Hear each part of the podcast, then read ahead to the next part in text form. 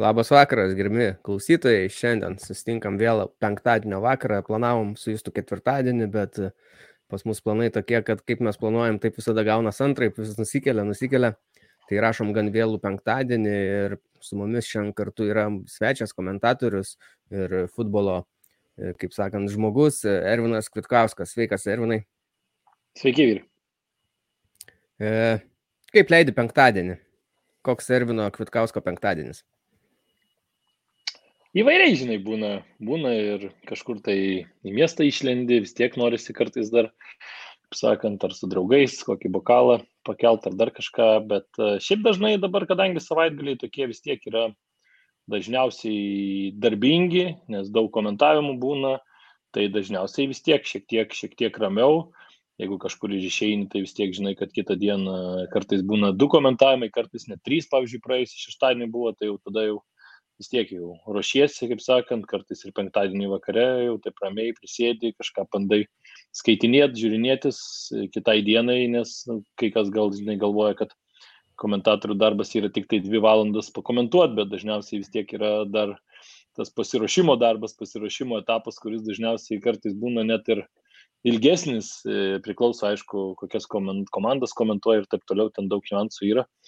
Bet iš principo tai labai įvairūs būna kartais ir su sportu, mėgstam tenisą dabar šiaip daug žaidžiu, tai kartais būna, kad penktadienį vėlai vakare kokią dešimtą ir tenisą pažaidžiam, tai nu, labai įvairiai, nėra kažkokios tai tokios vienos rutinos. Mhm. Aš vis atsakydavau, stebėdavau, kad, pavyzdžiui, koks rytis Višniauskas yra tas, kuris be galo daug dirba šioje srityje ir visur dalyvauja, visose podcastuose jo yra pilna, daugybę rungtynių komentuoja ir net ne tik futbolo, ir krepšinį dar kartais ir ten smiginys jam lyg išpuldavo ar dar kažkas. Ir net sunku būdavo suvokti, kaip spėja. Bet jūs, Ervinai, na, panašu, kad septynmyliai žingsniais artėjat link to ir labai daug irgi jūsų yra daug visur, daug podcastų ir komentavimo ir per žinias kažkurį vakarą net mačiau, tai kaip visą tai reikia suspėti padaryti ir nepervark dar to pačiu.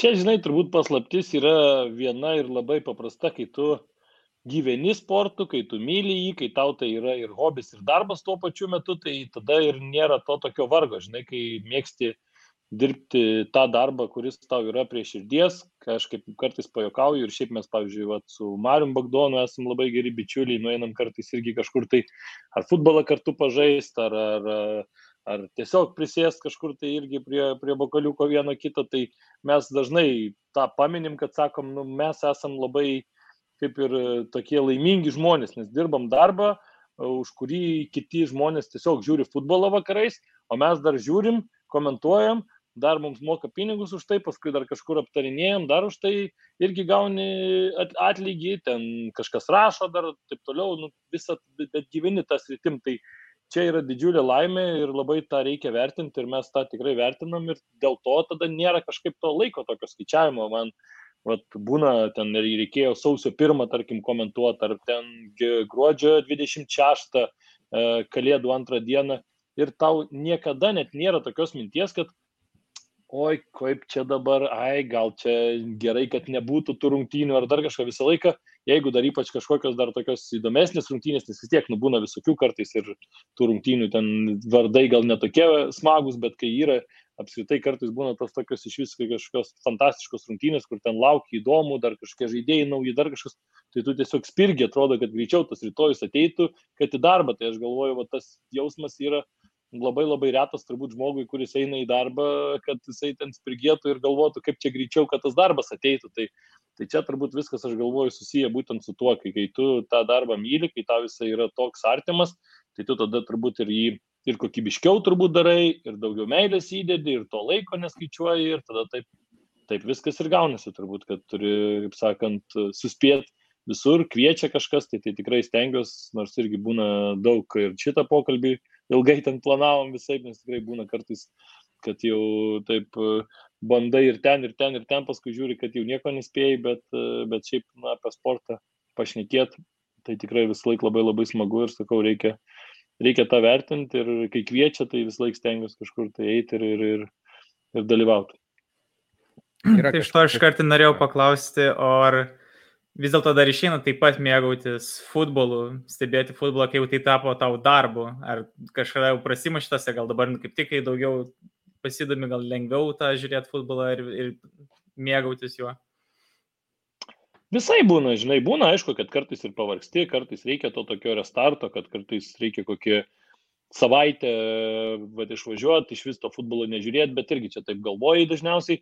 Vat buvo, kada čia sausio mėnesį važiavau atostogų 12 dienų ir vis tiek vakaras ateina, žiūri, kas čia šiandien žaidžia, aha, tada jau žiūri, nueini į barą, klausi, ar jūs čia šiandien rodysit, ai, rodysit gerai, ateisiu ir tada jau žiūri 90 valandų ir vis tiek eini žiūrėti ant Premier lygą tai ir, ir niekur nuo to nepabėgsi, nors atrodo jau ten tas rautą apmažini, mažiau bandai kažkaip tai, bet vis tiek tada kažkur atsisėdi prie baseino, turi laisvą minutę, nu tai kas čia ką nupirko, koks čia transferis įvyko, kas čia ką ten vienas rašo, ką kitas ir, ir vis tiek kažkaip tai tuo gyveni, nes nu, sportas dar yra tokia labai specifinė rušis, žinai, kažkokia yra kitas darbas, nežinau, ten aišku, visur tas žinias reikia atnaujinti, bet kaip pavyzdys turbūt ten išmokai kažkaip labai gerai programuoti tai tau ten kažkokiam ilgam laikotarpiu ir užtenka, paskui atsiranda kažkokie nauji dalykai taip toliau, tu ten mokėsi po truputį, o sportas tai yra tokia, kur kartais tu dvi savaitės vat, kažkur į negyvenamą salą išvažiuoti neturėsi ir iš jo grįši ir, ir atrodo, kad būsi tiek praleidęs ir atrodo, kad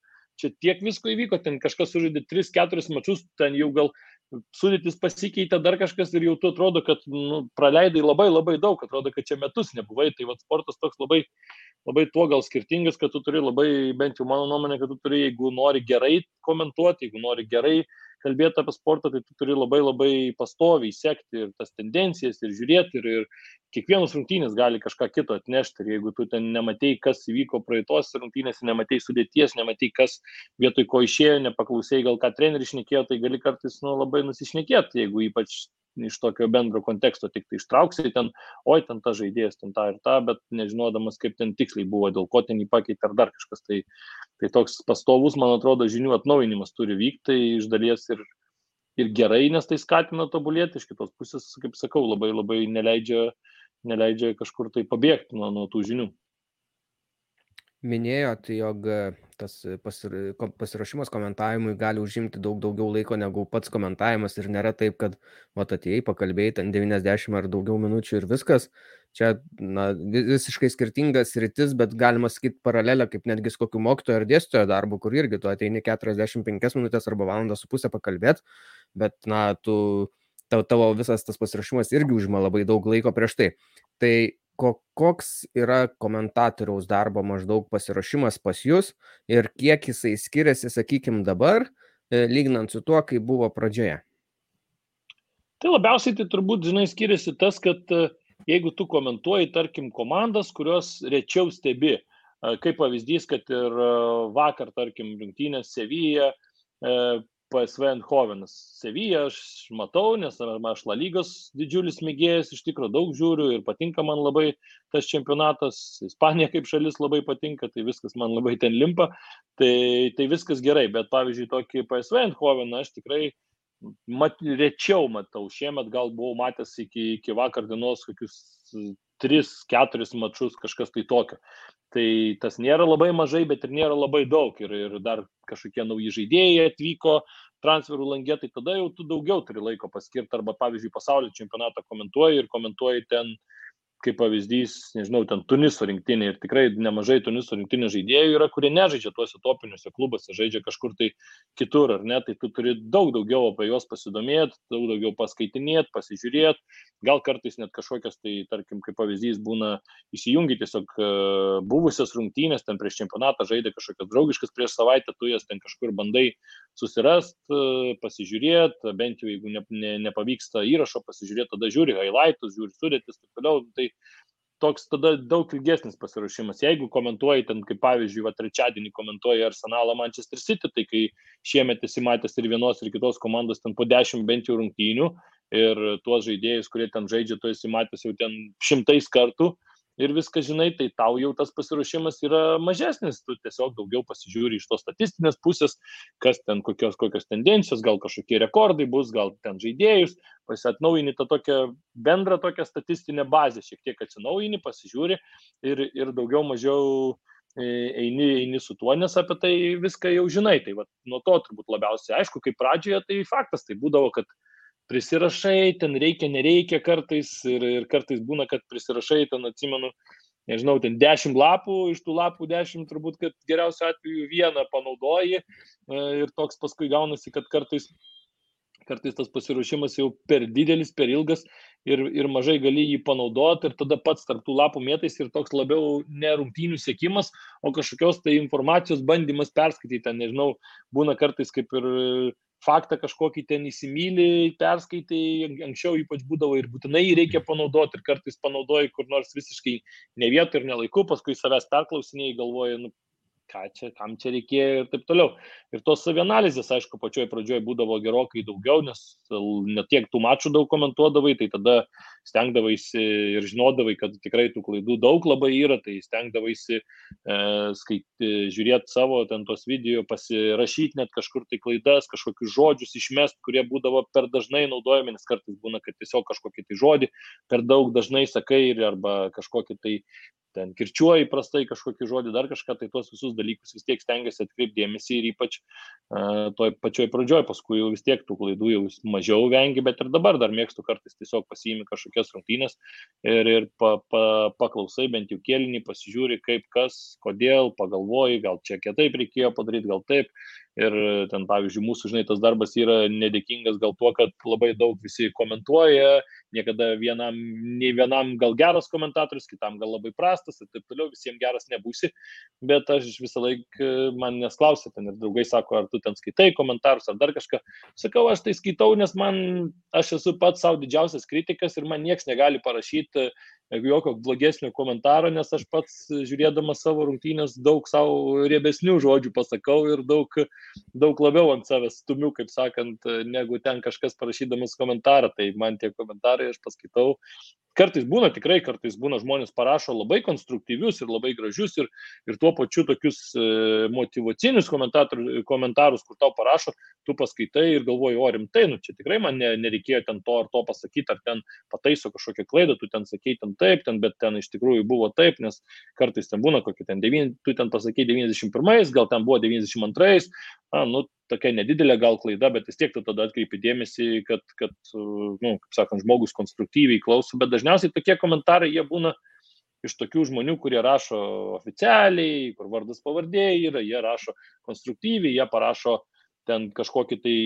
maždaug tą klaidą, kurią jie, jie pasako ar kažkokį dalyką ir dažniausiai vis tiek rašo ačiū čia už komentavimus, šaunuoliai, taip ir toliau, ten dar kažkas, nu tokie pozityvus, kaip sakant, o ten kažkokie tai nesąmonių, kur būna, nu, tai dažniausiai irgi būna iš tokių feikinių akantų, be nuotraukos arba ten gėlytas kažkokios nuotraukos, kaip, kaip madinga dabar, tai tada ir, nu, ką tu ten kreipsi dėmesį, nu, tai kažkas išsilieja, išlieja tulžį, kaip sakant, tai, nu, ką ten, ką tu ten kreipsi dabar dėmesį.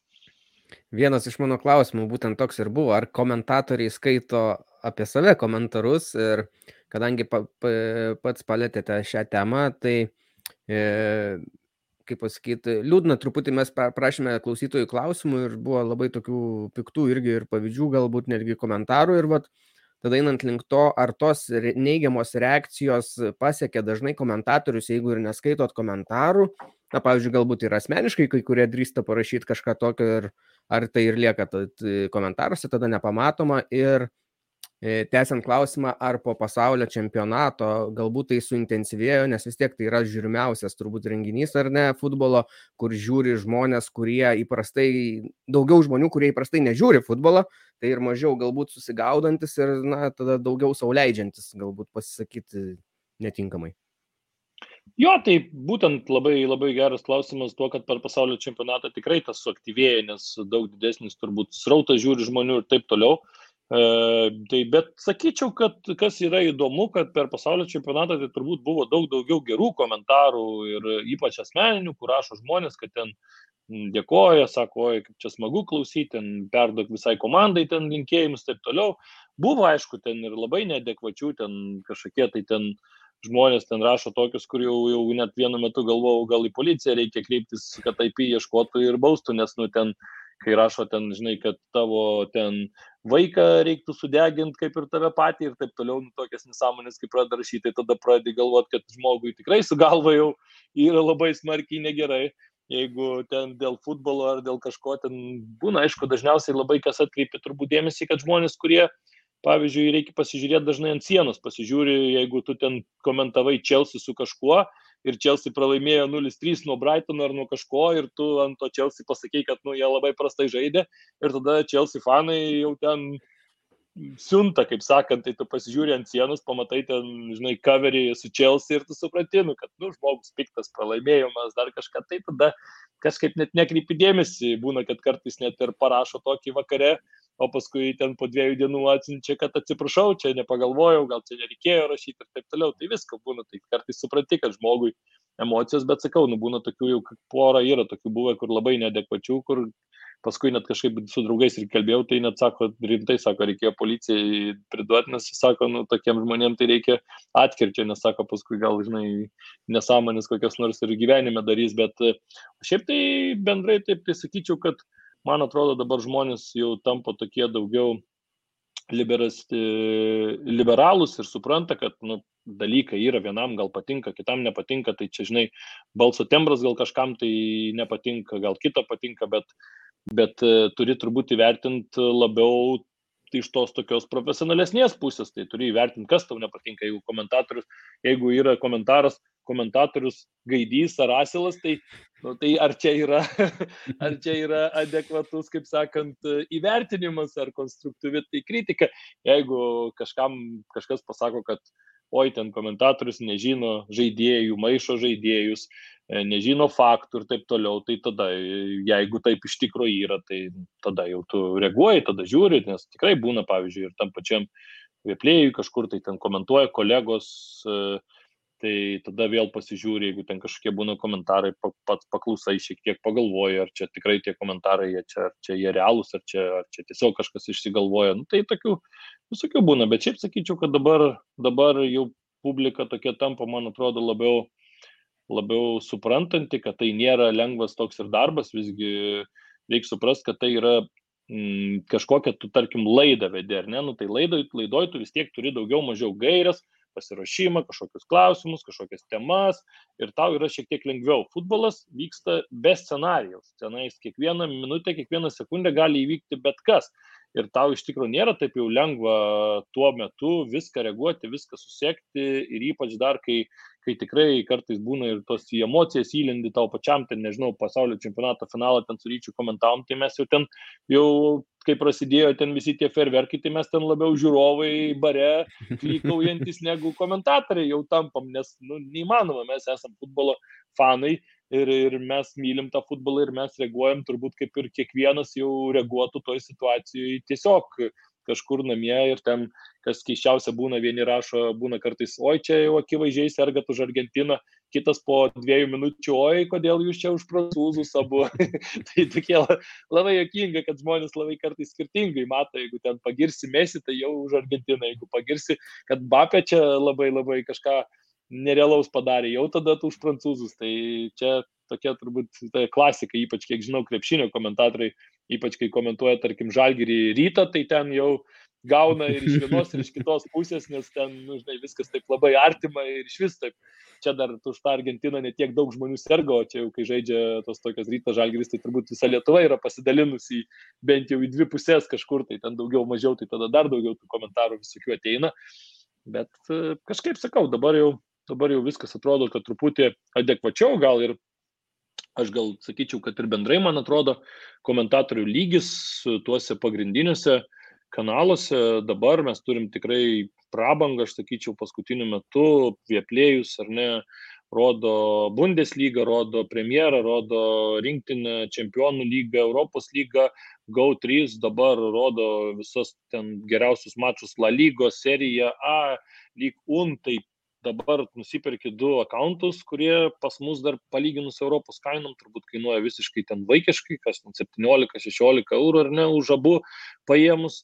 ir tu gauni viską, ko tau reikia, iš esmės legaliai, taip, kartais būna ten ir pas mus čia buvo tų savaitgalių, kai tikrai ten strigo technika, atnaujina kažką, būna visokių problemų, tas irgi nėra malonu ir komentatoriui tikrai irgi nėra smagu dirbti, kai technika šlubuoja, komentatorius turbūt kenčia labiausiai šitoje vietoje, bet, bet nu, kartais tai būna, bet iš esmės tai aš manau, kad ir komentatorių lygis bendras, mano nuomonė, būna, aišku, visokių būna ir mes kartais einam ir sirgdami į darbą ir, ir dar kažką, ir, ir, ir, ir gal ir gyvenime kažkokių tai E, būna, žinai, geresnių ir blogesnių dienų, kai tu dirbi paprastai ofise kažkur, tai gal mm, nelabai pamato, gal pamato du žmonės tavo kolegos, gal pamato viršininkas, kad tau kažkas negerai ar ne.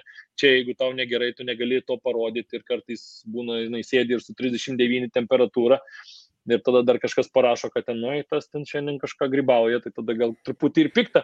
Bet, nu, toks, toks darbas, žinai, yra ir, ir tu supranti, kad ateini, ateini kaip sakant, padaryti taip, kad žmogui tos rungtynės būtų dar geresnės ir tikrai visą laiką stengiasi tą daryti, niekada nenori kažkam tai sugadinti vakaro ar ten kažką blogai daryti, nekokybiškai, kad, kad kažkas tai kažką negero sakytų. Tai, bet šiaip bendrai vertinus, aš sakyčiau taip pat visus kolegas, viską, tai man atrodo, kad per pastarąjį e, dešimtmetį kažkur tai tikrai atsirado nauja ta komentatorių karta ir man atrodo, jinai tikrai yra imli, jinai yra besidominti, galinti gauti daug informacijos, aišku, ir informacijos kiekis yra didžiulis, anksčiau ten iš laikraščių turbūt, kad Nerijus Kesminas ir ten kiti pra, pra, pradėtojai, tie mohikanai visi uh, mokėsi, ten skaitydavo, rinkdavosi informaciją, dabar tos informacijos tai ten vežimais vežk, tik tai, tik tai skaityk, domėkis ir, ir gali viską iš esmės surasti, bet tavo darbas dar kaip komentatorius turbūt susisteminti ir, ir pagalvot, kas yra įdomu žmogui ir kartais dar suprast, kokiam tu žmogui aiškini, jeigu tu kalbi mokamam kanalė ar ne Bundesliga, ar ten Premier lyga, kur tu supranti, kad žmonės žiūri, kurie jau tokie su stažu futbolo ar ne, tai jiems tu gali kažką giliau ir daugiau aiškinti ir gal tų tokių pradžiamokslių jau kažkur nebe, nebeimti ir kai kada naudoti tokius jau gilesnius terminus. Jeigu tu komentuoji pasaulio čempionate, tu supranti, kad per LRT gali žiūrėti ir vaikas 10 metų, 12 ir nežinau, 50 metė moteris, kuriai gal tiesiog vat smagu, nes rinktinių futbolą jinai irgi žiūri ten kiekvieną čempionatą, nes jai smagu, ten darbe gal kažkas šneka, jinai nori irgi būti prie kompanijos, kaip sakant, gal žiūri kažkas, kas ten futbolą paskutinį kartą žiūrėjo prieš dešimt metų, bet irgi per naujo pamilės ar dar ir panašiai, tai tu tada jau turi orientuotis, kad kartais gal šiek tiek ir daugiau tų bazinių dalykų pasakyti, kur gal ten, pavyzdžiui, 10 ir 15 procentų, kurie daug jau žino apie futbolą, atrodys, ką iš čia šneka, kam čia to reikia, bet nu, tada tu turi suprasti, kad ten yra auditorija labai labai plati ir kartais tu turi taip elgtis, galvodamas į tai, orientuodamas į tai. Tikrai labai sutinku. Kalbant apie pasaulio čempionato finalą, na, tai jūsų duetas tada su Ryčiu Višniausku turbūt buvo vienas įsimintiniausių komentavimo atvejų, bent jau per čempionatą, tai tikrai ir norėčiau irgi tada pagirti, nes buvo gera, gerąją prasme įsimintinas ir pastebėt, kad jeigu būtų, na, kaip sakai, sakot, toks komentavimas truputį gal gavos kaip vos ne su draugu, prie bokalo, vos ne bare, bet būtent toms rungtynėms, kai toks emocinis didžiulis fonas, tai labai natūraliai ir gerai tiko. Galbūt kitoms anksčiau vykusioms rungtynėms ir nebūtų prilipęs, bet tuomet tai buvo super. Taip, taip, tai va aš irgi taip galvoju, kad kažkaip tai būna tų rungtynių, kur tu turi pajaustą emociją, būna, kur tiesiog, kaip ir sakai, gal netiks tokia jau labai laisva forma, bet e, šitoj vietoj tai man atrodo tiesiog viskas taip, taip natūraliai dėliojasi ir, ir taip visą tiek ten tų emocijų išgyventi, uh, tai turbūt kitaip ir negali. Ir šiaip, man atrodo, kad e, emocija yra labai svarbu. Aišku, ten kartais faktas, kad tu komentuoji ten kažkokias ten rungtynės, nežinau, ten žaidžia 12 su 14 komanda Anglijoje ir nelabai dėl kažko žaidžia ir tos rungtynės tokios, tai ten tu nori, nenori, tos emocijos jau tokios neišgausi, bet kai ateina tie tokie vat, svarbus, tie tokie mačai, svarbiausi ir taip toliau, tai man atrodo, ta emocija apskritai yra labai svarbi, nes nu, kiekvienas sportas yra apie emociją, apie kaip išgyvena sportininkai, kaip išgyvena žiūrovai, kaip išgyvena sirgaliai ir man atrodo, kad tas kiekvienas kaip išgyventas tavo kartu toksai pliūpsnis, jisai irgi dar, dar įneša gyvybės, ten kartais aš pats klausau komentatorių, kur ten anglai kaip komentuoja, tie patys ispanai kartais mėgsta La lygą, ispaniškai pasižiūrėti, ne, ne viską supranti, bet futbolo terminus maždaug vis tiek daugiau mažiau, bet vien tik ta emocija, kaip jie komentuoja, taip kitaip ir tas irgi labai labai kažkaip įtraukia, labai smagu paklausyti ir pažiūrėti, kaip tu supranti, kad kiekvienoje šalyje komentatoriai galų gale dirba tikrai labai skirtingai ir ypač ten pietiečiai vienaip komentuoja, mes kitaip, anglai dar kitaip ir taip toliau. Visi, visi turi savo braižą kažkokį tai, bet uh, tikrai manau, kad mes jau irgi dabar jau einam į tą, kad laisviau šiek tiek, kad man irgi atrodo, kad tu turi būti toks arčiau tų žmonių, o ne bandyti ten viską labai taip jau įvilgti į kažkokį tą formalumą. Ir anksčiau būdavo tikrai, kad ir per tą patį LRT būdavo ten komentuoja, jeigu ten kokį vieną kitą pasakysi terminą labiau, kuris nesiverčia, bet angliškai, tai tada jau gausi pastabų. Dabar ir tai jau pradėjo tikrai daug laisviau žiūrėti ir tie visi VLKK ir, ir, ir ten visos tos organizacijos, visos tos įstaigos jau laisviau žiūri, jau supranta, kad yra sportas, kuris yra dinamiškas, kuris keičiasi ir tam kartais nėra tų tiesiog labai tų tokių terminų, teisingų, atitinkančių ir jeigu tu ten, nu, pavyzdžiui, wingbackas, ar ne, kaip tau išaiškinti tiksliai, kas yra tas wingbackas, ten lietuviškai žaidėjas, žaidžiantis per visą liniją ir puolantis ir besiginantis, na, tai čia toks labai jau tampa tada labai šabloniška, labai toks, nu, praranda turbūt visą, visą esmę, nes sporte tai turbūt, kai viskas vyksta ten per kelias sekundės, tu turi trumpai, aiškiai, mano nuomonė, pasakyti, kaip kas vyksta ir, ir, ir kodėl, ir, ir padovanoti tokią gerą emociją žmogui. Tai tikrai manau, kad va, tas finalas buvo, kai, kai ir pačiam buvo klausai ir paskui net atrodo kartais net tas tokios oda šiurpsta, atrodo, kad ta, tas emocijas išgyvent dar porą kartų žiūrėjau finalą, tai tikrai labai labai smagu buvo kažkaip tai ir, ir tos visas, kas ten vyko aikštėje, aišku, tai buvo pagrindinis, ne mes ten, ne mūsų komentavimas buvo pagrindinis veiksmas, ten viskas vyko, mes tik tai, kaip sakant, negadinom, gal galima tai pavadinti to futbolo, kuris vyko. Yra gal koks nors susinėtis komentatorius, kurį sekate? Tai šiaip nemažai yra tų žmonių, man šiaip uh, patikdavo labai ir anksčiau, pavyzdžiui, net ir čia gal taip dabar negražiai nuskambės, bet anksčiau, kol dar nekariavo, kaip sakant, kol nedarė tų, nors jau seniai kariauja, bet dar kol nedarydavo tokių nesąmonių, tai būdavo, kad ir, ir rusų pasižiūrėdavai sportą ar ne, tai toks, pavyzdžiui, Konstantin Genič buvo, net jisai kažkada ir FIFA buvo įgarsinęs ir savo tuos visus, tai man labai patikdavo, nes irgi buvęs futbolininkas, tai jisai labai duodavo tos tokios irgi futbolo kalbos, kaip sakant, ir, ir jaučiasi, kad, kad žmogus žaidęs, tai, tai kažkaip patikdavo tas, uh, patinka ir, ir ir Martin Tyler, ar ne, tai tas daug, daug tų tokių legendinių, kur tos bal, balsus girdi ir labai smagu. Uh, amerikiečių yra tikrai, dabar neatsiminsiu pavardės, bet toks yra jau, jau seniukas, toks ir labai tokių užkimusių balsų komentuoja jisai per Foxą, dabar man atrodo per Bijiną irgi komentuoja. Tai labai labai toks balsas labai išskirtinis ir, ir labai dažniausiai irgi turi daug tokios emocijos ir ta emocija kartais atrodo prapliūpsta, bet paskui, kai, kai paklausai, tai kad vat, jis labai moka tą emociją suvaldyti, nes man atrodo, žinai, kad irgi labai svarbu, kad tu į tą emociją jau per daug neįsiveltum, nes kartais būna emocija užvaldo, tu ten kažką bandai labai, bet, bet tada trūksta tokio konstruktyvo, tai va to emocijoje reikia pagauti irgi, kad tu dar būtum konstruktyvus. Ir man kartais, pavyzdžiui, net patinka, kad, pavyzdžiui, vat, anglai labai mėgsta ten įmuša įvartį ir jie pasako nedaug, pasako kelis žodžius, dar duoda pasidžiaugti dar tą atmosferą, kai ten visi riekauja ir tas toksai išlaikytas gaunasi. Ir kartais vat, stengiasi irgi, kad gal geriau pasakyti kartais mažiau negu per daug, kad neužgoštum to irgi, to įvarčio, tos visos emocijos, kad, kad matytųsi ta emocija, tu kažką jai dar pridėtum iš savęs, bet nebandytum užgošti visiškai. Tai vat, tas, man atrodo, irgi yra labai svarbu. Mhm. Sakoma, kad vis tiek komentatorius nu, neturi būti Taip, taip, komentatorius neturi būti pirmas žmogus, neturi. Taip, būt, kaip ir teisėjas, jeigu nesimato, reiškia geras buvo, tai ir komentatorius, tai per daug neturi išlyst gal. Taip, taip, taip. E, 2002 metai profesiškai galbūt buvo produktyviausi ir sėkmingiausi metai, vis tiek pasaulio čempionatas, Premier lyga atėjusi į vieplėjų, finalas galų galę tas pats pasaulio čempionato.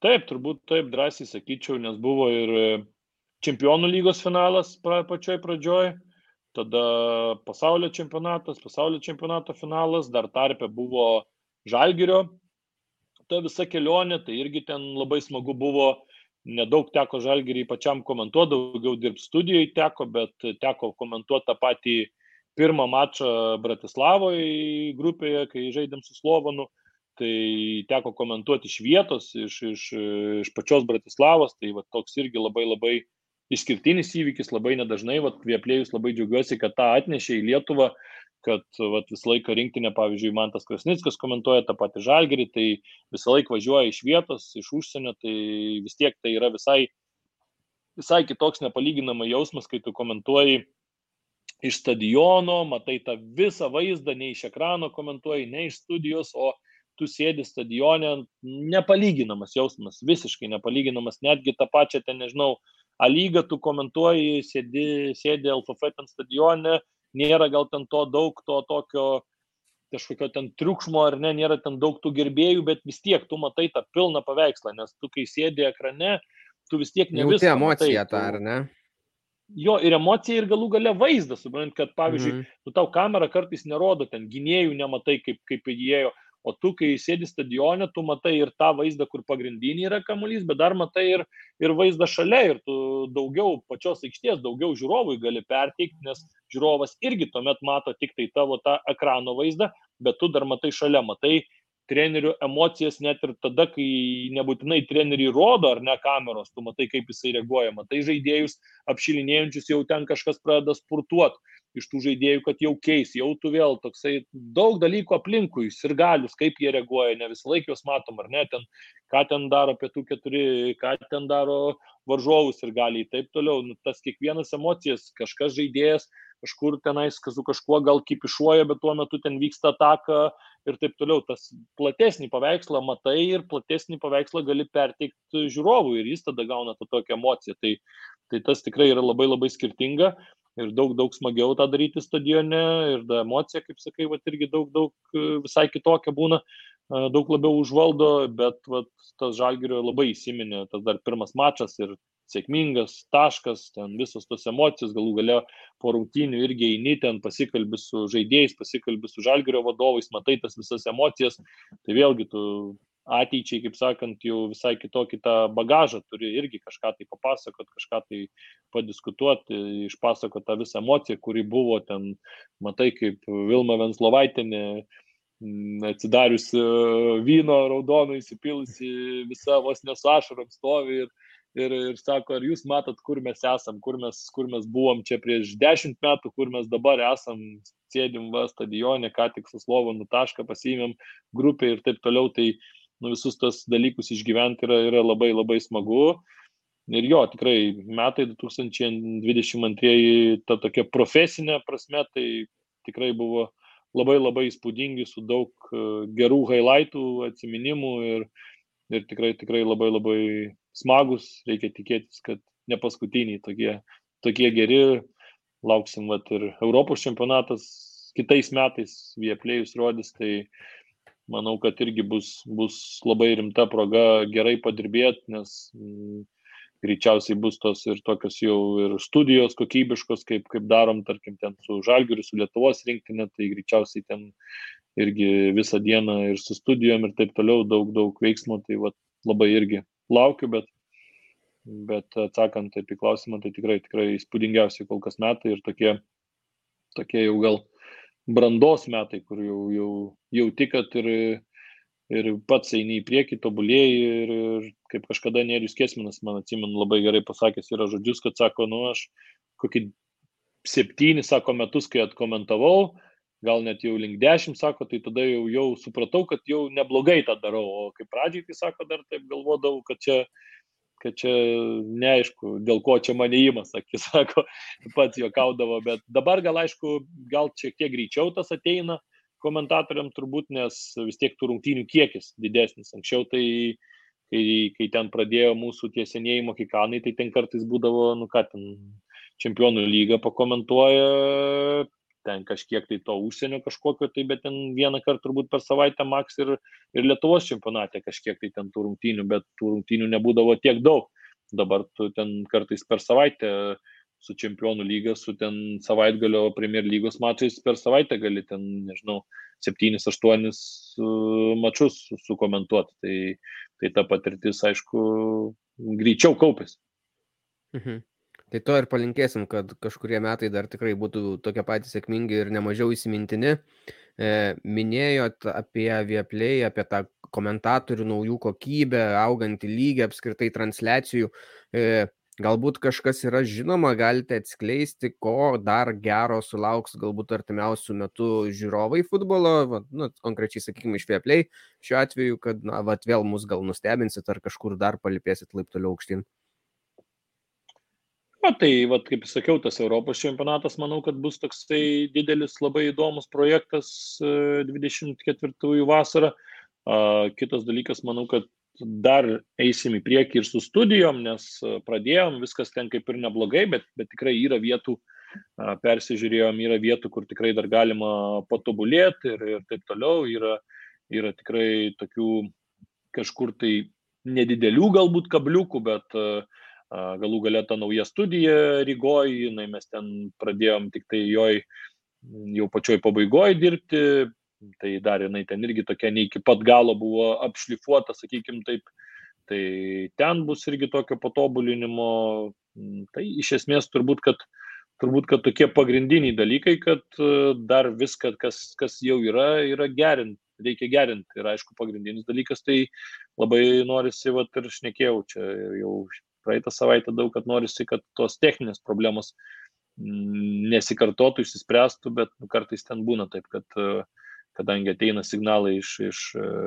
Švedijos, tai kartais ten būna kažkokių problemų, ne, jos netaip greitai susitvarko ir taip toliau. Kai, kai didelė kompanija, daug žmonių, tai kartais ta informacija taip lėčiau perina ir, ir nėra taip greitai tos, tos problemos ištaisomos, bet uh, jie jas žino, stengiasi dirba tuo klausimu, nėra taip, kad, kad čia būtų nesvarbu kažkokia tai ta Baltijos ar ten rinka ir panašiai, tikrai, tikrai investuoja, tikrai stengiasi ir, ir tas nu, labai smagu, sakau, man tai labai smagu, kad pagaliau atėjo, tarkim, tos studijos Lietuvos rinktinės žalgeris parodoma taip, kaip ir turi būti, nes man atrodo, kad trūksta tikrai to tokio produkto prieš rungtynės per rungtynių pertrauką, po rungtynių, kad tu turėtum tą tokį pilną futbolo patirtį, o ne, o ne tik tai įsijungia rungtynės, pažiūrėjo ir viskas. Tai kaip normaliam visam pasaulyje vyksta pusvalandis ten prieš pertrauką, po visi epizodai, viskas išnagrinėjama,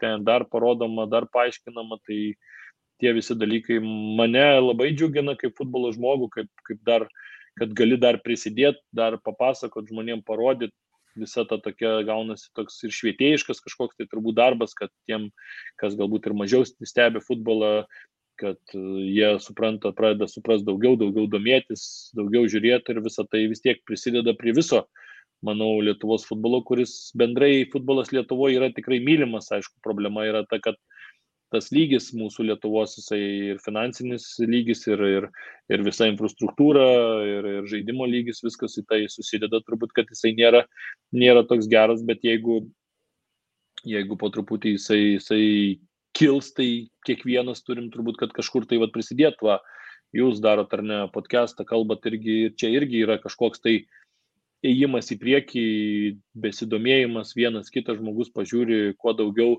domisi, kuo daugiau žmonių išbando, tada eina kažkur į stadionus, perka bilietus ir taip toliau. Visą tai yra toks ratas, kuris sukasi ir, ir kuo daugiau jį bandysi įsukti, kuo daugiau kažkokių tai pastangų įdėsi, tai tokia turbūt daugiau ir graža bus tiem visiems, čia visam Lietuvos futbolui. Tai ir ne tik kartais atrodo, kad čia žinai apie, apie bundę ar apie apie Premier lygą ar apie dar kažką, bet tai vis tiek yra kažkoks nedidelis dalelė, kažkokia nedidelė ar kažkoks krislelis vis tiek į tą, į tą bendrą Lietuvos futbolo reikalą, bent jau aš taip mastau.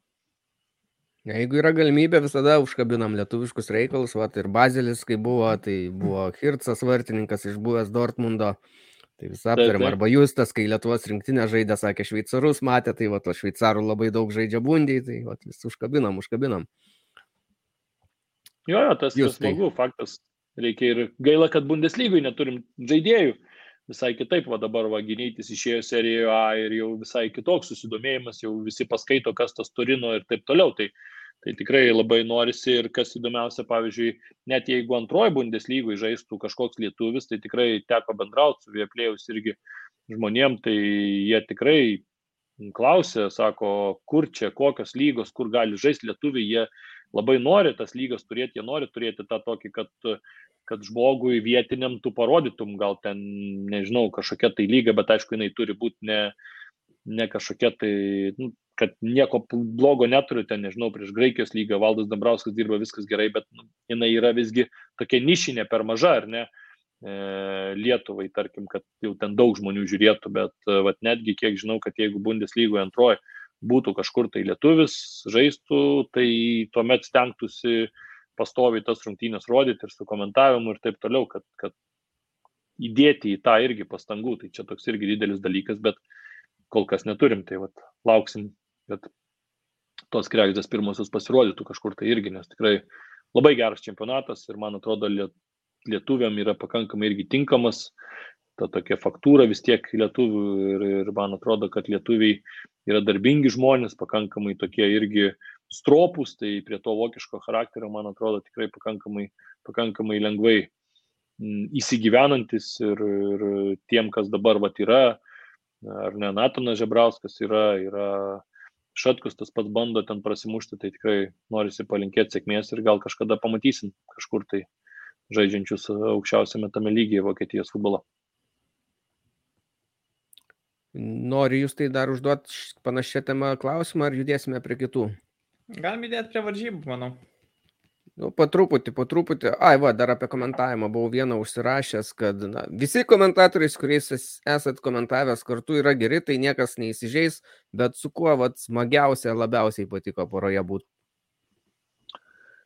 Tai turbūt, kad, žinok, su Paulium Jekeliu mums taip, aš manau, kad labai gerai sekasi. Šiaip ir su Ryčiu Višniausku mes tikrai ir geri kolegos ir, ir daug esam ir anksčiau komentavę, bet su Paulium kažkaip mes nuo futbolo TV laikų labai, labai daug e, kartu komentavę, dar ten tą pačią lygą, visus tos kitus reikalus. Tai kažkaip, e, kai tu esmė poroje vis tiek yra tam duete, kuo tu daugiau kartu komentuoji, arba kuo tu geriau pažįsti žmogų, tu su juo daugiau bendrauji, tai tu žinai jo mintis, žinai, kada jisai jau nutrauks mintį, kada jis pabaigs sakinį ir tas toksai gaunasi mm, toks didesnis flautas vadinamasis, ar ne, kad tu tiesiog tau nereikia taikytis, tu tiesiog komentuoji ir atrodo viską žinai, kada, kada jisai pradės sakinį, kada pabaigs, kur papildys, kuo pradės, kaip, kada tau leis ten įsiterpti ir taip toliau, tai visi tie dalykai labai labai svarbus. Tai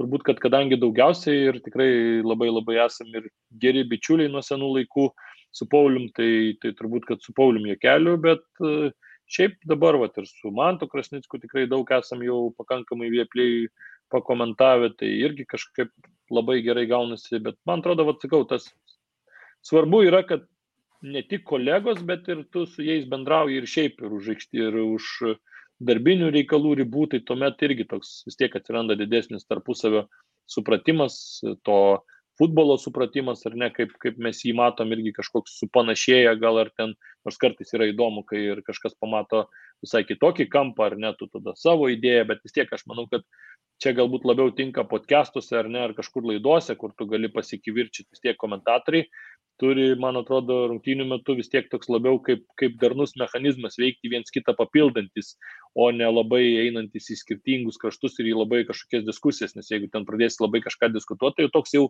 irgi tada, tada gausis, kad jau pasiimi tą epicentrą į save labiau, o ne, o ne į rungtynės. Gerai, eisime jau link Bundeslygos, vis tiek e, laidos turinys ir pavadinimas įpareigoja mus e, tai daryti. Ir mums tai Jo, labiausiai praktiškai patinka. tuoj labai staigiai. Gerai, palauksime sekundėlę.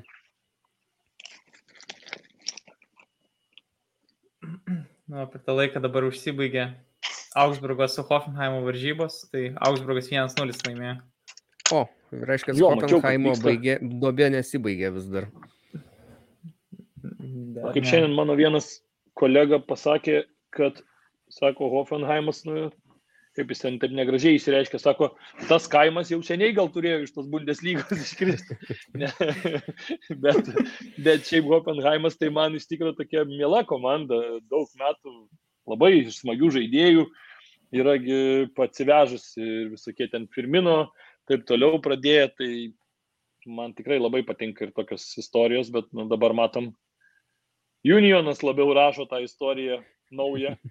Bet Hoffenheimas kažkada irgi atsimenu, neatsimenu kada tai tiksliai, bet Čempionų buvo sezonas. Kaip, tai žaidė čempionų lygų, bet buvo sezonas, kai gal po kokių 20 turų pirmavo, man atrodo, net mhm. Lenkija ir tą patį Bayerną. Tai pirmą ratą tai tikrai, kad baigė pirmieji, man atrodo, ten ilgai laikėsi dar pirmoji vietai, paskui, aišku, Bayernas ten jau pavyjo ir aplinkė, bet, bet buvo tikrai toks sezonas, kur labai ilgai ten irgi tokį kaip e, stebuklingą turėjo žygį Nu, labai prastai, jeigu jie dabar pralaimėjo Augsburgui, o yra ant iškritimo ribos ir būtent su to Augsburgu dar ir konkuruoti reikės, kad neiškristi. Buvom susitikę čia su Ryčiu Višniausku, kalbėjom, tai, nu, sakėm, nesinori tikėti, kad tokia komanda kaip Hoffenheimas gali iškristi.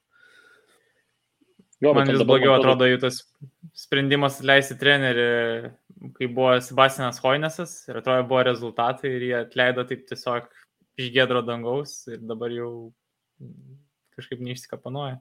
Man irgi tas sprendimas buvo nesuvokiamas, tas naujas paskirtas treneris netrodė nieko geresnis už Hionesą. Nu, dabar Materaco visai simpatiškas treneris, simpatiškai žaidė su Štutgartu, tik tai traumų turėjo labai daug Štutgartas, bet nu, gal, gal reikia laiko ir pataisys tai jisai. E, jo, gerai, Bundesliga. Dabar 12 rungtynių, man atrodo, kiek ten nelaimėjo yra kažkas tai tokio. Mhm. Mhm. Ir, ir prastai atrodo, nėra, kad ten kažkoks, na, surprizas ar nesiseka, prastai atrodo. Jo, jo, tai e... 40 praleistų įvarčių. Tai Ervinai, traukite sąrašą, kokius esate aplankę stadionus Vokietijoje. Vokietijoje kaip tik planuoju aplankyti va Štutgartą. Mhm. Gegužės greičiausiai mėnesį, nes dabar geras draugas uh, rankininkas Truhanovičius pasirašė Jonas su, su Štutgarto klubu rankinio. Tai pasižiūrėjau, kad kaip tik gegužės ten apie 13 yra ta diena, kai žaidžia, žaidžia ir rankinio klubas namie, ir, ir Štutgartas namie. Tai vad, kau reikia važiuoti ir pasižiūrėti rankinį futbolą. O iš stadionų. O kelintas turas bus tai ten, nes jau pabaiga turėtų būti. Jo, ten prieš paskutinis gal kažkas tokio. O, bet tai dar gali būti ir labai būt, kad... svarbios rungtynės. Kaip jo, pernai, jo, kai tai buvo pereinant, ten, kad jis subėgo, kai laimėjo, išsaugojo vietą, kai subėgo visi ir gali, tai super ten atmosfera. Jo, jo, tai va kažkaip irgi galvau, kad ten dar pakankamai įdomus mačas gali gautis, ten neatsimenu, dabar reikia pasižiūrėti greitai, užmesti akį, su kuo jie ten tiksliai žais, bet, bet tikrai gali būti labai labai smagios rungtynės.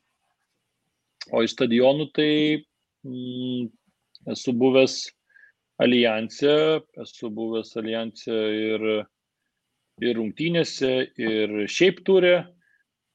Tiesiog prasivaikščiot, kaip sakant, po, po, po alijansą, bet ten mes buvom su UEFA žmonėm, nes ten vyko tuo metu Europ, UEFA toks workshopas buvo ten Europos čempionatui besiruošiant 2020-ųjų. E, mes ten turėjom dirbti, bet paskui, kai tą čempionatą atšaukė, tai 21 metais jisai, kai jau vyko, tai ten biškiai aplinkybės pasikeitė ir aš paskui su juo nebedirbau, bet workshopė sudalyvau, nes jisai buvo dar, dar seniau įvykęs, dar prieš pandemiją, kaip tik tai tai labai šiai patiko ir, ir turas ten parodė ten visus tokius jau Nes kai ateini rungtynės, nu, tai žinai, tu pažiūri tą stadioną kaip elementarus žiūrovas, o kai jau tave ten pravedžioja po tuos visus rusius ir pusrusius parodo, kaip ten televizijos, ten studijų, kiek ten yra, kiek koks yra ten konferencijų, tas visas e, kambarys ir taip toliau, nu, tikrai labai labai įspūdingas stadionas, neveltui ten aukščiausiai įvertintas, ten tos visos žvaigždutės ir taip toliau, kaip ten išvažiuoja, kaip nusileidžia, ten uh, tie vartai, kaip ten vos ne iš po žemių, taip pakylė, fantastika, eini ten ledai visur sukišti, ten žiūriu, e, žiūriu žaidėjim, net išeinant į tą, į tą stadioną, atrodo, ten tokia emocija turėtų būti, tai fantastika, tikrai labai labai patiko ir, ir tas turas.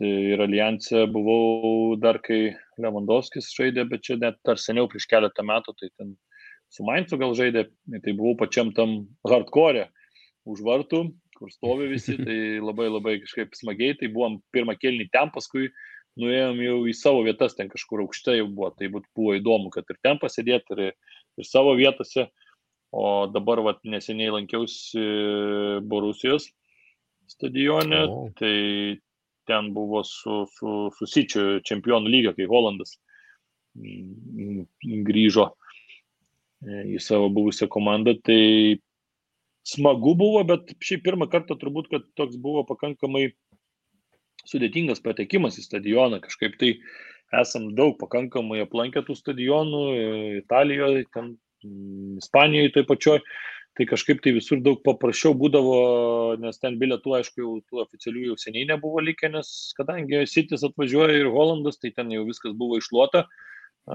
bet mes visą laiką taip iš esmės važiuojam labai retai, net ten Europos čempionate, pavyzdžiui, turėjom ir oficialiai nusipirkę bilietus, bet paskui supratom, kad klaidą darėm tuose konkursuose, ten vargdami daugiau ir ten pirkdami tuos bilietus, nes prie stadiono gali dažniausiai nusipirkti ir kartais dar net, kas įdomu, pigiau negu, negu oficialiai pirkdamas. Tai čia, čia važiavom irgi keliese, tai taip sunku, kai sekėsi, labai brangios kainos buvo, ten prašė labai didelių sumų, ten vos ne po 200 ten eurų už, už stovimus bilietus pačioj, pačioj pradžioj ten valandą prieš šimtynės kas yra nu, labai jau brangu, labai jau nesamoningus kainos, nes čia prieš porą metų L klasiko, kai teko būti, tai už L klasiko jau susimokė 250 ir jau tikrai gerose vietose, ten jau maždaug prie 16 metrų e, linijos per patį vidurį, tai, tai tikrai jau žinai, už ką susimokėjai čia, toks supranti, kad tikrai yra tokia daugiau apgavystė, kaip sakant.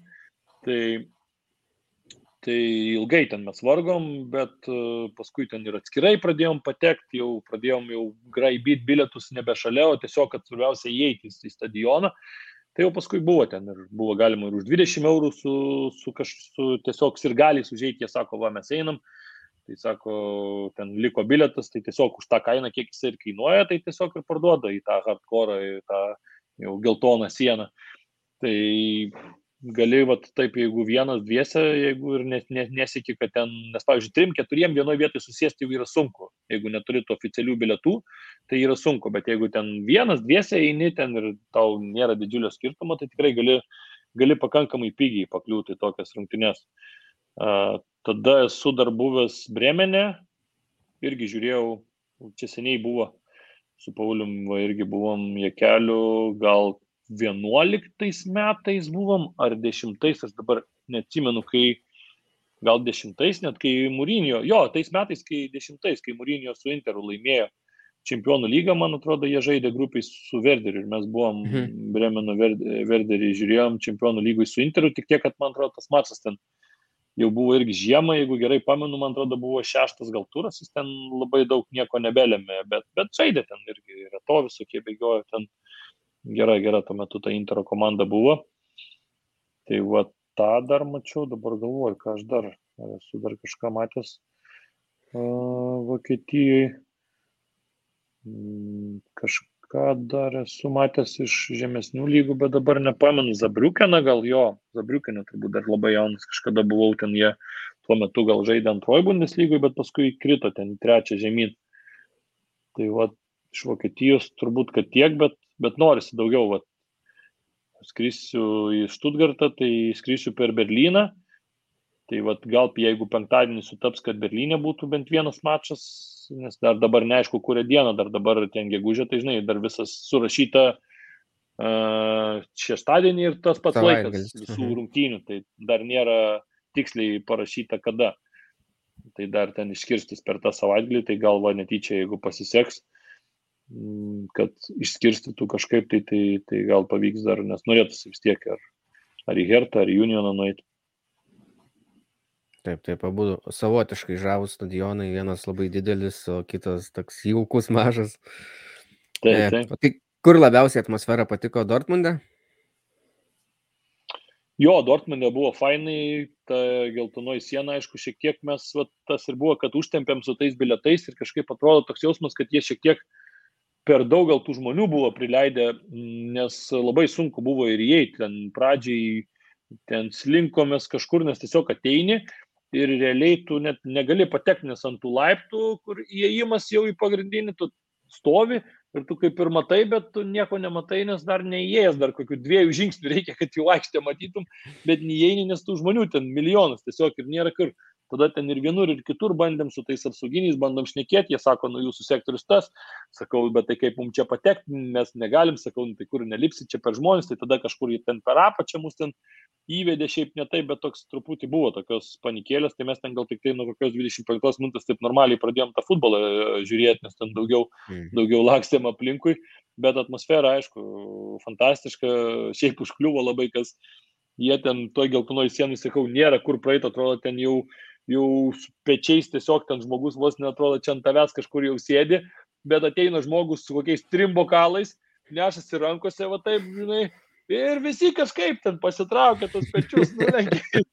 ir kažkaip žmogus praeina su to, nes šventas dalykas, matyti, yra alus, žinai, tai, tai tiesiog kažkaip praeina. Tai tas, tas žiauriai nustebino, kad taip atrodo, aš, mes žiūrim, sakom, nu kur čia tas žmogus, kaip jis čia pralys, kur jis čia praeis, bet kažkaip praeina, tai ten buvo labai labai uh, tikrai gera atmosfera. Bet uh, dabar galvoju, kas iš tokių... Sansiro šiaip labai patiko irgi apsilankimas. Žiūrėjau Interas su Barsa. Tai labai patiko tikrai. Šiemet gal grupėse?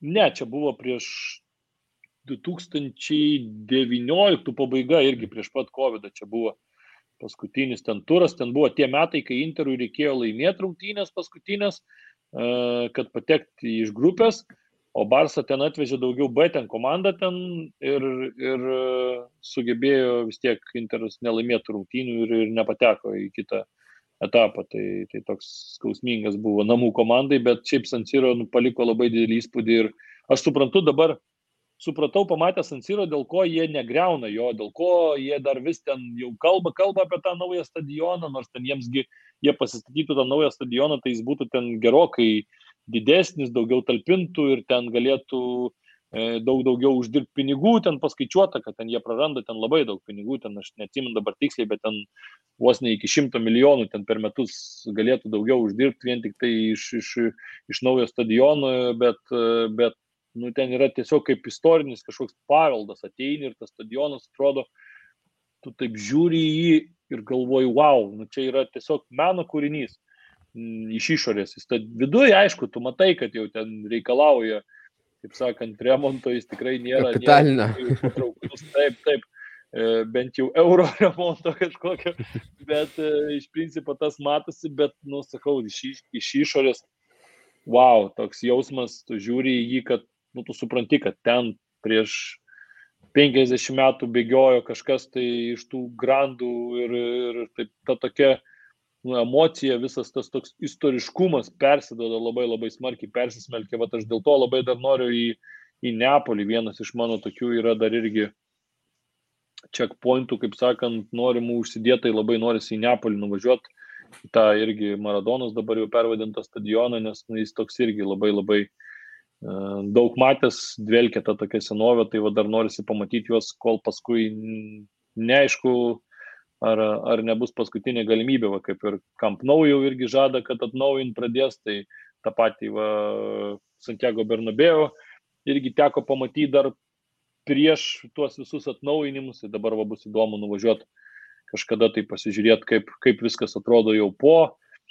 Tai tikrai kažkaip, man atrodo, tie vis tiek istoriniai dalykai, kai seni stadionai, jie turi savo tokią aurą, paskui paskui, kai jau viskas taip švaru, iščiūstyta kartais dar pradžioje, šiek tiek net ir futbolo, tai gal futbolo bendruomeniai, gal ten žmonėm, kurie tik tai keletą kartų futbole ir pirmus kartus ateina, jiems gal smagu, kai viskas nauja, bet man atrodo, tiem tokiem užkėtėjusiam futbolo gerbėjim tai labai ir smagu tas tokias auras pamatyti, o ne tik tą visišką tą tokią šviežumą ir naujumą.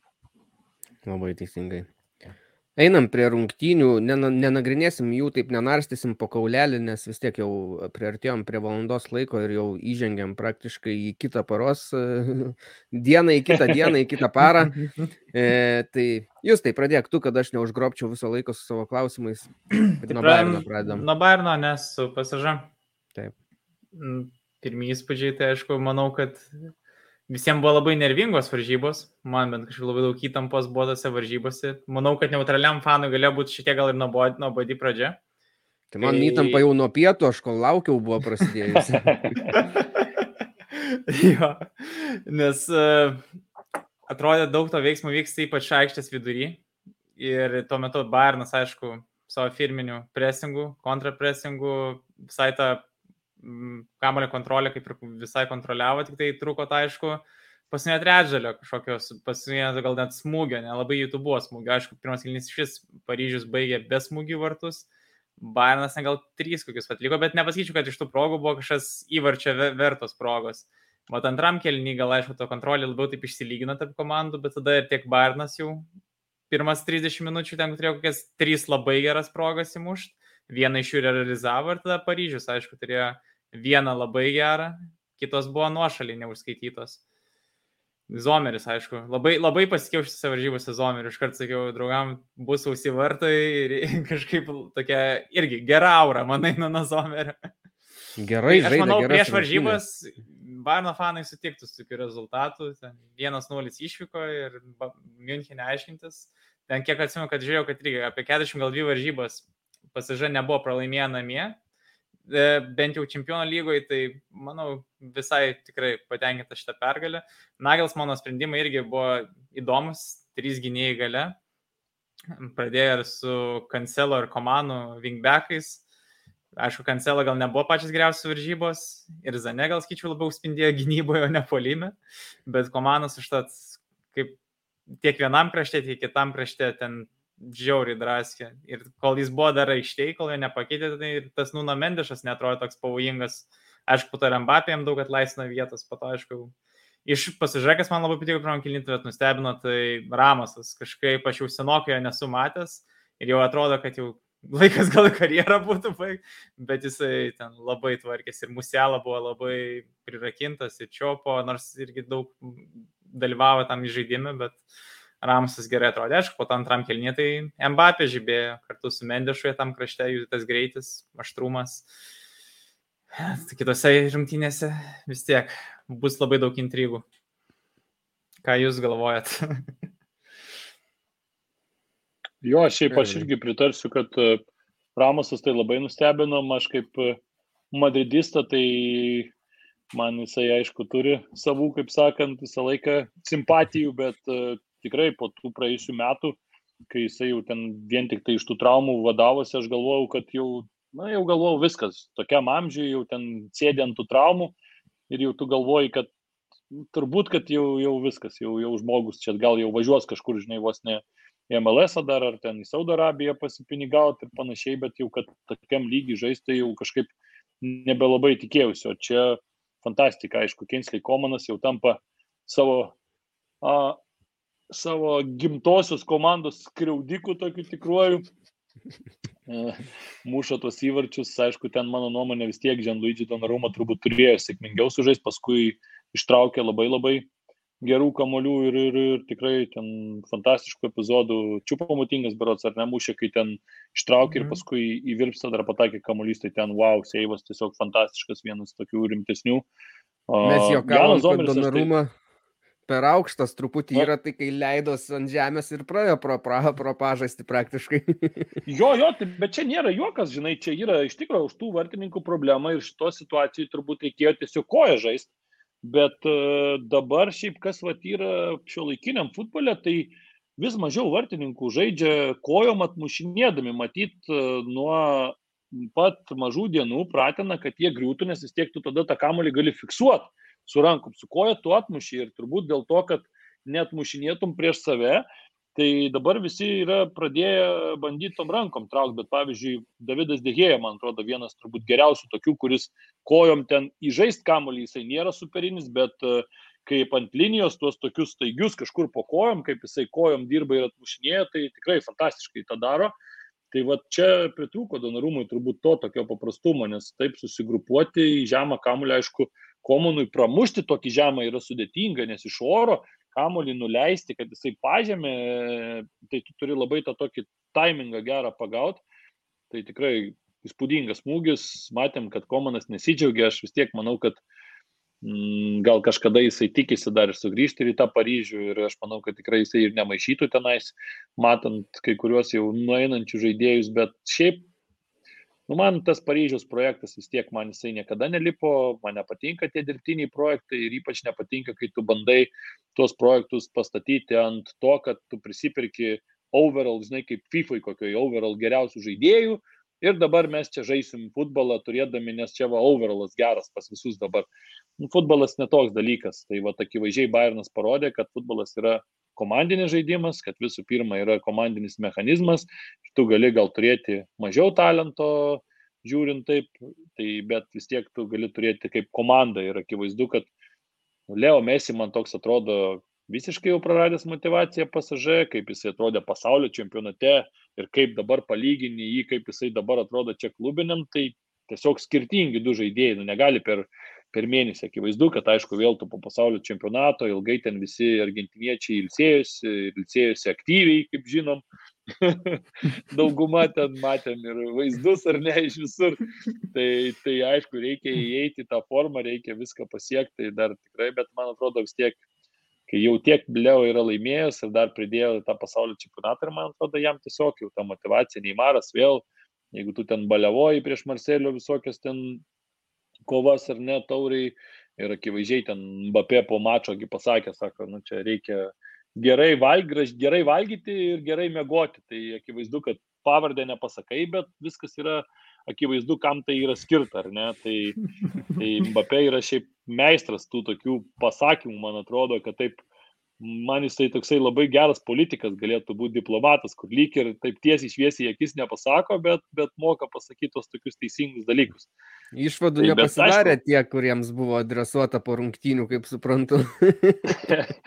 kaip matai, ten išvadas ne, nepasidaro jau dešimt metų ir man atrodo jau nepasidarys kažkada kalbėjom, žinai, kad čia po Messi ir, ir po Ronaldo bus uh, naujas žaidėjas, kur čia irgi bus geriausias, bet matom, kad jau kol, kol jisai žiūrėjo, kada pabaigs Messi ir Ronaldo, tie taip ir nepabaigė, o atsirado jau ir kitų geresnių. Tai vad, kaip sakant, ant, ant balių toli nevažiuosi, man atrodo, šio laikiniam futbole vis tiek tas atsiliepia, kad ir kiek tu būtum talentingas, kad ir kiek turėtum to talento, vis tiek reikia disciplinos ir tas, tas yra akivaizdu, jeigu tu nori būti tam aukščiausiam lygiai. Čia mes tą akivaizdžiai matom.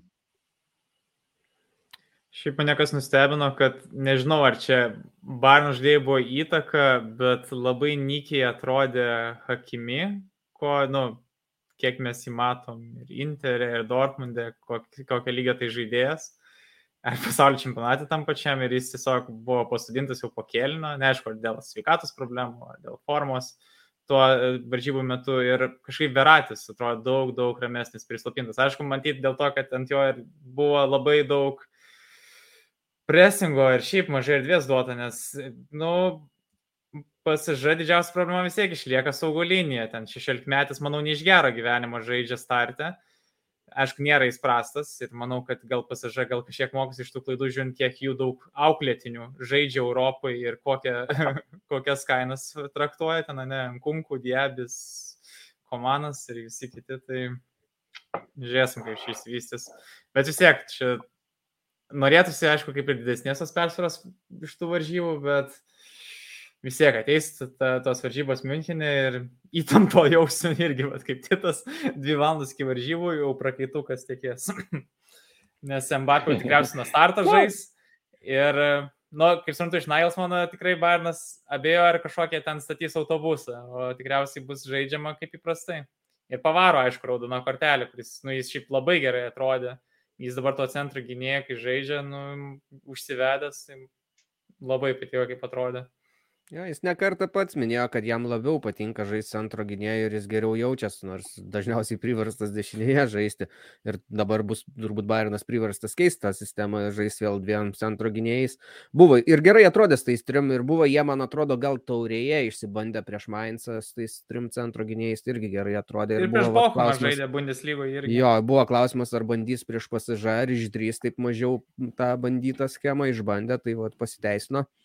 E, Zone truputį mažiau matęs, ar matęs ne ten, kur iš jo tikimasi. Gynyboje netgi buvo geresnis negu kad polime tose rungtynėse. Zomeris tavo minėtas, vat, super, kaip kojam žaidė, kaip išbėginėjo, kaip nuojeris. Drąsiai man patinka, kai taip žaidė, žaidžia užtikrintai ir sėkmingai, aišku, po to. E, nežinau, ką ten dar iš tų žaidėjų galim paminėti. Ar kažkokių momentų. Aš šiaip labai nu, džiaugiuosi. Mbappé keitė viską. Mhm. Aš tai šiaip sakau, va, labai džiaugiuosi dėl Zomerio. Man Zomeris toks visą laiką buvo žaidėjas, kur norėjusi, kad jis tikrai sužaistų tam topiniam futbolė, nes mes matom Šveicarijos rinktinį visą laiką. Fantastiškai, München Gladbachė irgi visą laiką buvo. Tiesiog ten kartais nepramušamas, e, gali drąsiai sakyti, ir labai norėjusi, kad nu, tikrai toks vartininkas, kuris buvo vertas žaisti kažkur tai topiniam klube ir ne tik, kad būti antru, bet žaisti. Tai va, labai labai smagu dėl jo ir uh, matom, ta patirtis yra didžiulė ir čia tikrai nebuvo jokio klausimo man, kad jis ten išeis, čia perdėks, taigi žmogus matęs ten pasaulio čempionato rungtynių, Europos čempionato atkrintamųjų ir taip toliau, tai čia jam tikrai ne kažkokia tai naujiena ir galų gale patirtis didžiulė, tai parodė savo klasę. Ir aišku, aš dar išskirčiau šiaip vidurį, Kimikas, Goretska, kiek darbo daug valgė tiesiog varžovus, ta schema, kur jie tikrai puikiai tą savo darbą dirba ir va, gerai paminėjai labai titai uh, tą sane grįžimus ten kažkur į savo aikštės pusę, tai va čia man grinai va ir yra Bairnas, kur kiekvienas žaidėjas žino, kad jeigu ten kažkam reikia pagalbos pasaugos, taip toliau, o čia yra komanda, o PSG toks atrodo kratinys žaidėjų ir dar, kaip ir atsakom, dar kažkur tai ten turi to, tokių ar tokių problemų ir tu pasižiūri, Aš net nesupratau, pavyzdžiui, pirmam kelnyje jų planą, tu Leo Mesi, Neimarą turi, jie gali žaisti tik tai realiai iš gilumos, abu ten nori žaisti, abu nori kamuolius prisimti kažkur savo aikštės pusiai. Soleras yra net ne krašto žaidėjas, niekada nebuvo kažkoks sprinteris, labiau mėgstantis vidury žaisti. Šešiolikmetis jo Zairas Emery, viskas kaip ir uh, smagu, turi didelį ateitį, bet tai irgi nėra toks jau žaidėjas, kuris labai sprokstantis būtų ir ten neštųsi bėgtų į plotus. Ir tu tuomet na, neturi, tai tu tuomet turi tavo tikslas, tada reiškia, būt, turi būti su kamoliu, su visa komanda pereiti į varžovo aikštės pusę ir ten tada ar ne, kad mesi kažkur tai su Neimaro gautų kamolius jau prie baudos aikštelės, mažose plotose, ką jie sugeba daryti ir ten tada žaistų. Bet kai tokį fiziškumą, kai tokią tą tokį atletiškumą ir, ir komandinę gerą darną turi Bayernas, tai nu, neįmanoma taip perėti, neįmanoma ten jų išpresinguoti. Jie vieną iš geriausių turi tą rodiklių spaudimo čempionų lygoje ir greit labai dažnai atakuoja jau ten po mažai varžovų perdavimų, neleidžia jiems ten užsisėdėti, neleidžia užlipti ant savęs, tai visą tai puikiai ir pademonstravo. Ir Bayerno rungtynės, tai sakyčiau, kad buvo Mm, visiškai, sakyčiau, pavyzdinės, gal tik tai paskutinis ten 15 minučių taip jau jautėsi, kad šiek tiek atrodo, jie jau ir pradėjo saugoti rezultatą, nes vis tiek pasąmoniai turbūt pradedi galvoti, kad ai geriau parsiveškim tą vieną, mes jau čia nedysim į priekį, svarbu, kad namie būtumėm padėties šeimininkai dar labiau, kad jiems reikėtų jau kažką tai daugiau galvoto, o ne mums. Taip, taip, Zomeris tiksliai ir geriausia savo rungtynės ir sužaisdavo prieš Bayerną, na tai prieš aukščiausią lygį. Dabar pagaliau Bayernas gal nugalės, va, sekančiam turė Gladbachą gal. ir čia pamotinga reikia labiau pagirti, nes, nu, atrodo, kad prieš Bayerną čia prieš kelius sezonus, kad tai jau nueinantis visiškai žaidėjas ir net nebuvęs, kaip sakai, žaidė gerose komandose, žaidė ir Paryžiui, žaidė ten ir kai šalkė buvo geresnė, bet nu, tu jo nelaikiai kažkokio aukščiausio visiškai lygio žaidėjim, kad ten kažko, kad jis tave stebintų. Nu, bet Bayerne, kai aplink tokie, tokie komandos draugai, tai aš nežinau, ir jo sprendimai būti ir prieš pasažą, nu, aukščiausio lygio, ten tokius perdavimus bando techniškus visiškai atlikti, nu, labai džiaugiuosi. Tai jis net prie įvartys labai nusitempė su savimi kraštą savo gynėją, ten jis, man atrodo, Ramosas sim ir turėjo, tada dar visi šiaip gynėjai pasislinko labiau tą kairį kraštą Deivisas ten turėjo tiek daug laiko priimtą sprendimą, nes šiaip tokių pasų Deivisas nekelia, aš labai vat, pasilgsiu tokių pasų, ką jis ten nekelia, ten labiau išimtis negu taisyklė.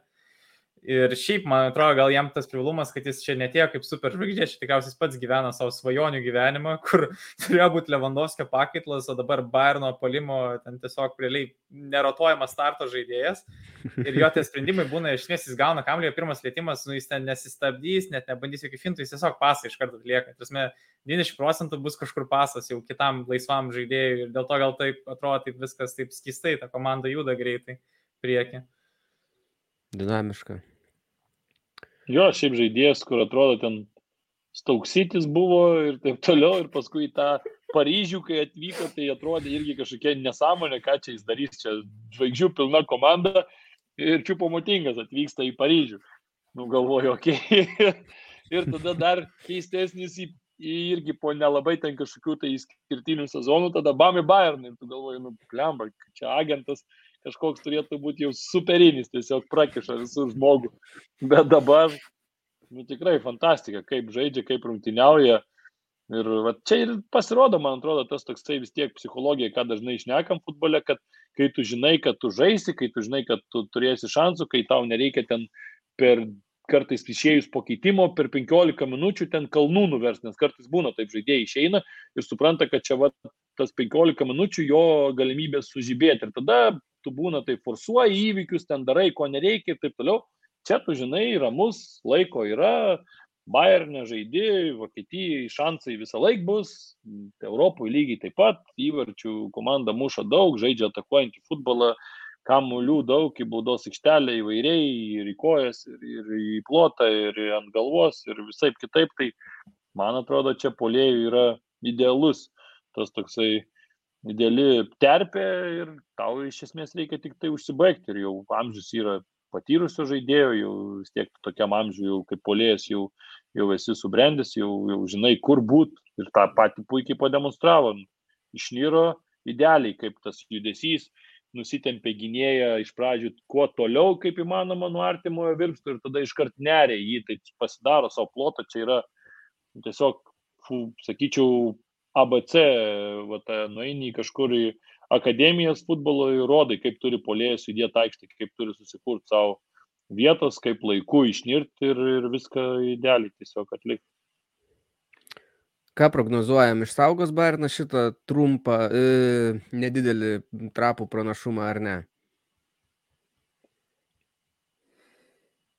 Na, aš tai labai bajas, čia, žinai, labai norisi, kad išsaugotų, o kaip objektyviai bus, tai sunku pasakyti. Na, aišku, tiek pasižė savo žaizdas išsigydo, tiek ir Bayernas išsigydo, tikėtina, kad ir mane jau bus ant tų atsakomųjų varžybų ir neaišku, su Mazraui, kaip, ar jau bus pasveikęs. Bet realiai ir su šitas. Kancelo bus dar geriau įsiliejęs. Nu, jau. Nu, reikia tikėtis, nes aš taip, nu, man visai pa... atrodė, kad ir lygios geras variantas, o prieš važiuojant į namus antras rungtynės žaisti, tai, noris tikėti irgi. Nu, va, čia pamatingas ten tą būtų įmušęs, kur va, pasakojau, kur patraukė Donarumą 2-0, jau būtų ramu. Dabar, dar, dabar dar išlieka šansų. Ir vis tiek, kai tu turim Mbappé, jeigu jis bus sveikas, žais nuo pat pradžių, tai nu, jis yra faktorius vis tiek, mes matom, kad tai yra žaidėjas, kurį labai sunku suvaldyti. Aišku, yra greitų žaidėjų, faktas, kad geriau būtų, kad Mbappé žaistų dešiniai, tada Alfonso Deiviso pastatai ir tada jisai tikrai galėtų su juo ten palenktyniauti dešiniai, šiek tiek, šiek tiek sunkiau gal surasti tą tokį žaidėją, kas jam būtų toks vienas prieš vieną. Bet nu, kažką reikės, aišku, pavaro ta netektis, va, gerai Justas pasakė, tikrai irgi pakankamai svarbi, nes sužaidė tai fantastiškas rungtynės, ten tie blokuoti epizodai ir daug kur buvo tiesiog, kad vietoj laiku atsiranda, nors tikrai man irgi kaip visai krašte rungtyniaudavo, tai niekada man nebuvo prie širdies, nes nu, tiesiog čia m, iš bėdos tu matai žaidėją ir tai nėra žaidėjas, kuris ten toks tipinis, nu, kraštiniai gynėjai tai man yra va, Alfonso Deivisas, Kancelu, va, tokie turi būti kraštiniai gynėjai, o pavaras toks panaši situacija kaip ten, pavyzdžiui, koks... Uh, Ziulė, kai būdavo. jo, jo, jo. Nu, Ziulė tai ten iš vis, tai Ziulė tai jau labiau tas variantas, kaip Newcastle Danas Barnas dviejų metrų bėgioja kairiam krašte. Nu, jeigu Vekorsas gali būti centro saugų, tai ką? Geras pastebėjimas. Bet matai, um, du du. nu, nu, šiaip, aš tai net mešiu variantą, kad gal pirmą kartą ir galim pamatyti Deivisą tam dešiniam krašte, nes Nailsmas ir taip čia pa, pažaidė, kai tą pavarą nustumė iš to gynybinio trejeto iš dešinės į kairę, kai tik Mbappé atėjo, Rūpė Mekano ten stovėjo dešiniai, tuomet ir deliktas jo, jo. centre užsiliko. Tai vis tiek truputį išėjo iš tokių standartinių rėmų. Mm, bus įdomu. Bus įdomu, laukiam šitos dvikovos. Dabar judam į paskutinį laidos segmentą. Tai dar vienos rungtynės. Dortmundas namuose priemė Chelsea. Irgi lygiai toks pat rezultatas. 1-0 laimėjo. Dortmundas pradžiugino savo komandos fanus. E, irgi rezultatas labai trapus, bet jų, sakykime, Dortmundo varžovas yra žymiai silpnesnis, na, nežymiai, bet, sakykime, silpnesnis tikrai šį sezoną negu Paryžius, mažiau pavojingas bent jau kol kas ir tik tai bėda, kad ir pats Dortmundas mėgsta kartais patys bėdų prisidaryti. Tai kokie įspūdžiai jum iš šių rungtynių?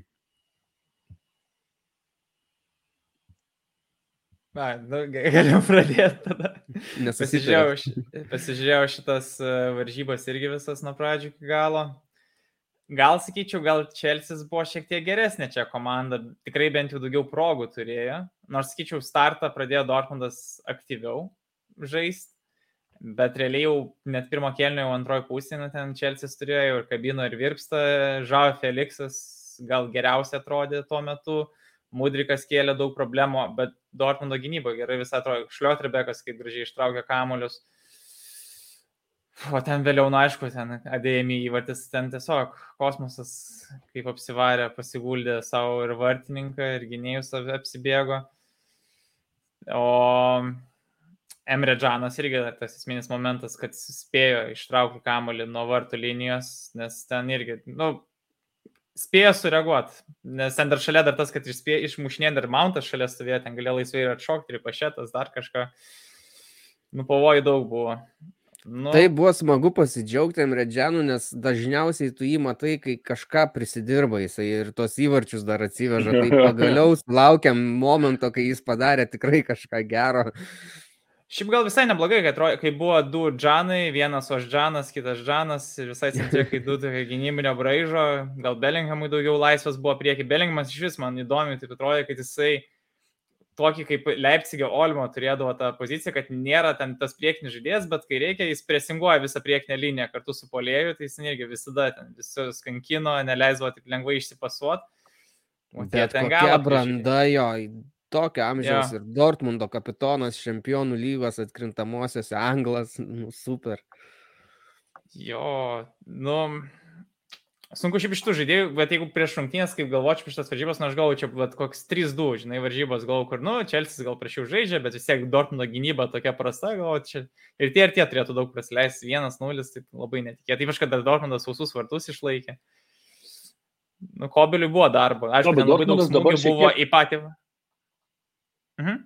Jo, jo, Dortmundas šiek tiek pagerino gynybą, šiaip dabar taip e, nėra tokia jau, tokia jau bala, kaip anksčiau būdavo, ten kiek mušį, tiek įkris, atrodo, dabar jau šiek tiek kažkaip nusistovėjo ta jų gynyba ir, ir Šliotrebekas, man atrodo, pa, pačioj pradžioj toksai netrodė toks užtikrintas, kokį mes jį anksčiau matydavom, kai tik atvyko į Dortmundą ir taip atrodė, kad reikia dar laiko, tokių klaidų nemažai darydavo.